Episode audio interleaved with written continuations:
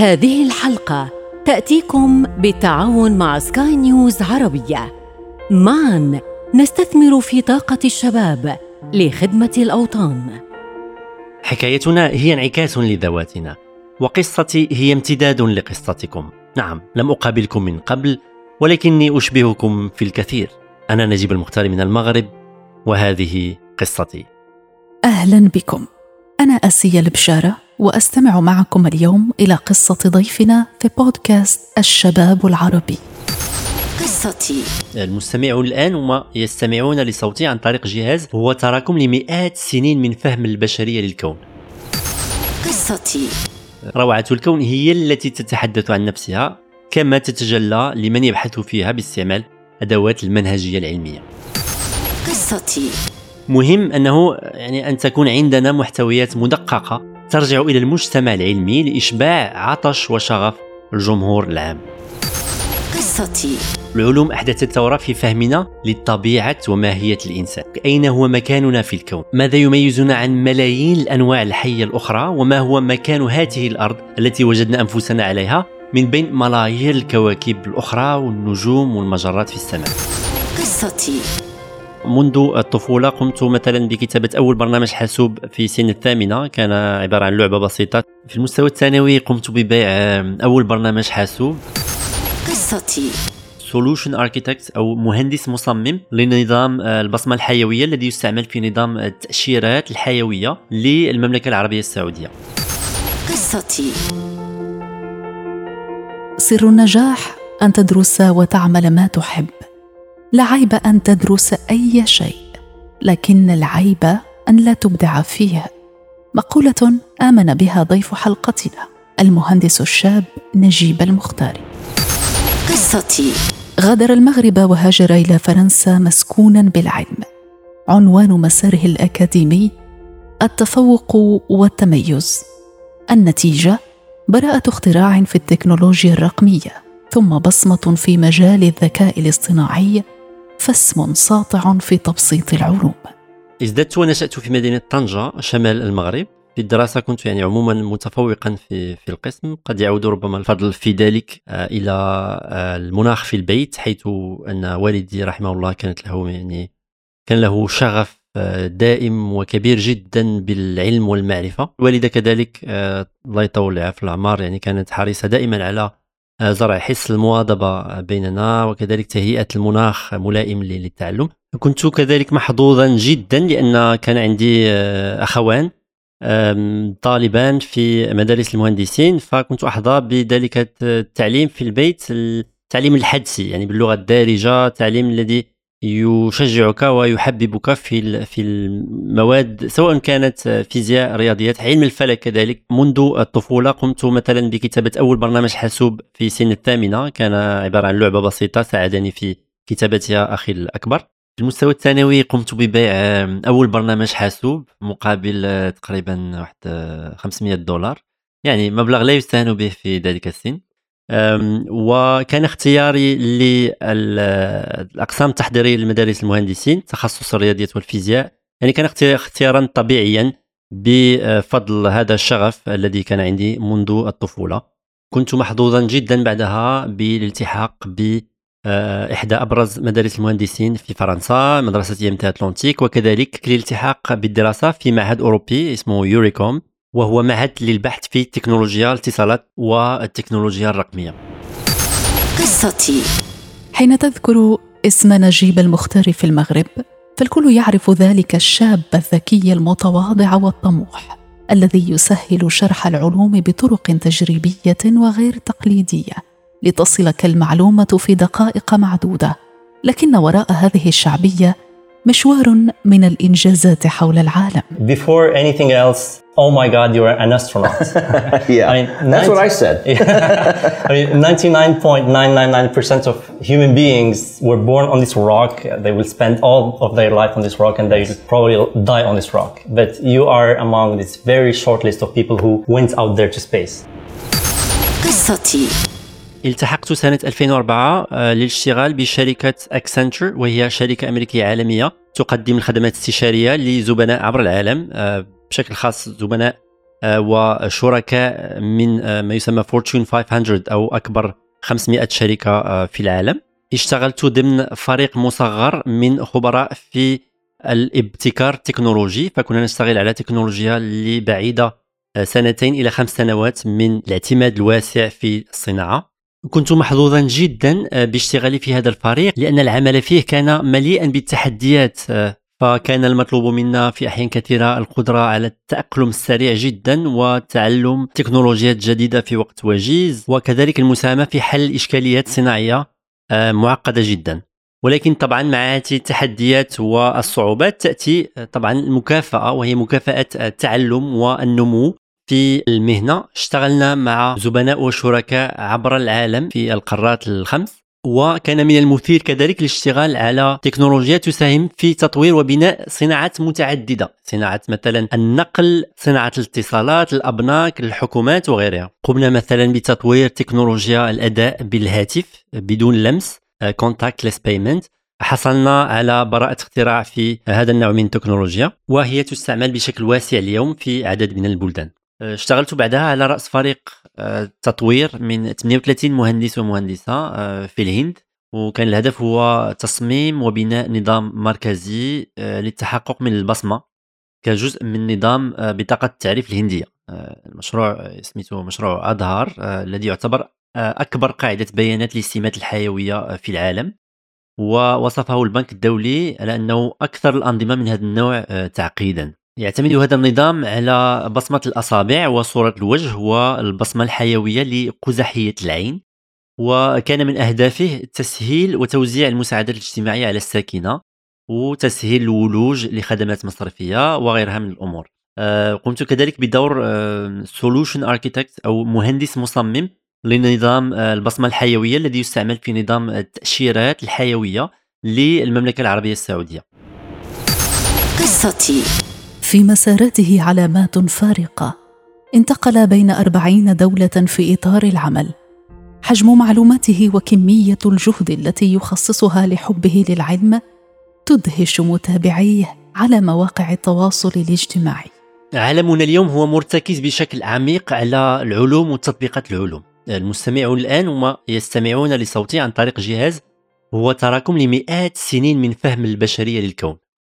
صدقي أو لا تصدقي ولكن الجهاز الذي تستمعين عبره لصوتي الآن هو ليس فقط نتاج لفهم البشرية أن الصوت هو تذبذب واهتزاز للهواء ولكن آه، حتى أجهزة الحاسوب أو السمارت فون اليوم تعتمد على فهمنا لطبيعة ما يتشكل منه الكون في أعمق مستوياته وكذلك في أغرب مستوياته. لو لم تصل البشرية إلى أن المادة التي تحيط بنا تتشكل من جسيمات قادرة مثلا على التواجد في أكثر من مكان في نفس الوقت هو أن يعني نوعا ما أن تختفي من مكان وتظهر في مكان آخر بشكل لحظي لما تمكنا من صناعة شريحة الترانزستور التي تشتغل بها جميع حواسبنا وأجهزة smartphone. Jim, you are a nuclear and quantum physicist. You have been working more recently on uh, quantum biology. العلوم ليس فقط هي محرك آه، لعالم اليوم، العلوم أحدثت كذلك ثوره في فهمنا لطبيعة وماهية الإنسان. العلوم تقدم إضاءات حول أصلنا. من أين أتى الإنسان؟ ملحمة نشوء الإنسان على الأرض. كذلك أين هو مكاننا في الكون؟ ماذا يميزنا عن ملايين الأنواع الحية الأخرى؟ وما هو مكان هذه الأرض التي وجدنا أنفسنا عليها من بين ملايير الكواكب الأخرى والنجوم والمجرات في السماء؟ هذه فقط بعض الأسئلة التي أجدها رائعة وأحب مشاركة شغفي بها عبر مواقع التواصل. أعتبر نفسي مجرد قناة أو وسيط روعة الكون هي التي تتحدث عن نفسها كما تتجلى لمن يبحث فيها باستعمال أدوات المنهجية العلمية. قصتي. منذ بداية مساره العلمي لاحظ أن ما يسبق كل تطور مستقبلي في أي وطن هو تبسيط العلوم وتصحيح المفاهيم المغلوطة التي تحوم حولها والإسهام في النقاش حول العلوم الزائفة. فأنشأ قناة على يوتيوب لتعزيز التواصل العلمي بين الخبراء وعامة المواطنين. الوباء ديال بوحمرون فعلا هنا قتل بزاف ديال الناس قتل 30 ديال الناس ولكن واخا الانتشار ديالو هو بسرعة رهيبة. الاثار ديالو كتوازنوا واحد النسبة ديال الموت ولا ديال الهلاك اللي هي قليلة نسبيا. الأغلبية ديال الناس اللي مرضوا به براو ولاو خضر يعني اكتسبوا مناعة. قصتي. الفكرة من تبسيط العلوم أو شعبنه العلوم popular science أو science communication التواصل العلمي. الفكرة هي نوعا ما نوع من الوساطة بين علماء وعالمات الطبيعة الذين يقومون بالأبحاث والاكتشافات العلمية من جهة وبين الجمهور العام من جهة أخرى.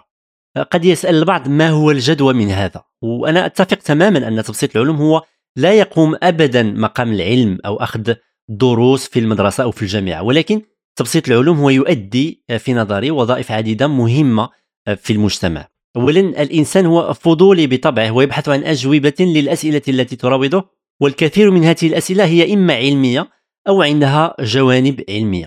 وإذا لم يكن لدينا محتويات جيدة في تبسيط العلوم متاحة مثلا على تلفاز أو على وسائل التواصل فهذا الفراغ سيتم ملؤه آه، بمحتويات آه، أخرى رديئة لما يسمى بالعلوم الزائفة أو البسودو ساينس مهم أنه يعني أن تكون عندنا محتويات مدققة ترجع إلى المجتمع العلمي لإشباع عطش وشغف الجمهور العام.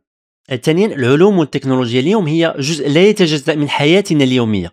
يعني نحن نتخذ كل يوم قرارات فردية مبنية على فهمنا لهذه العلوم. يعني الأجدر أن يكون فهمنا لهذه العلوم أن يكون جيدا. يعني إذا كنت مثلا تعيش في منطقة يكثر فيها آه، نشاط الزلازل فمن الأفضل أن تكون على اطلاع ولو بسيط على جيولوجيا أو تكتونيات آه، الصفائح مثلا. إذا واجه كوكبك جائحة يسببها فيروس ينتقل عبر الهواء فمن الأفضل أن يكون عندك اطلاع ولو مبدئي على الجراثيم وعلى الجهاز المناعي. الأمر الثالث الذي تسهم فيه آه، محتويات تبسيط العلوم وهو يعني أمر مهم جدا هو إلهام الشباب واليافعين والجيل الناشئ يعني كنت مؤخرا في منتدى آه، كانوا سألوا فيه عدد من علماء ومهندسي وكالة ناسا الفضائية بما فيه كبير علماء ناسا عن آه، سألوهم عن الأشياء التي ألهمتهم لاتباع مسيرات في العلوم والتكنولوجيا. وكانت أجوبتهم كلها مثلا حول مشاهدتهم لنزول الإنسان على المباشر على آه، سطح القمر.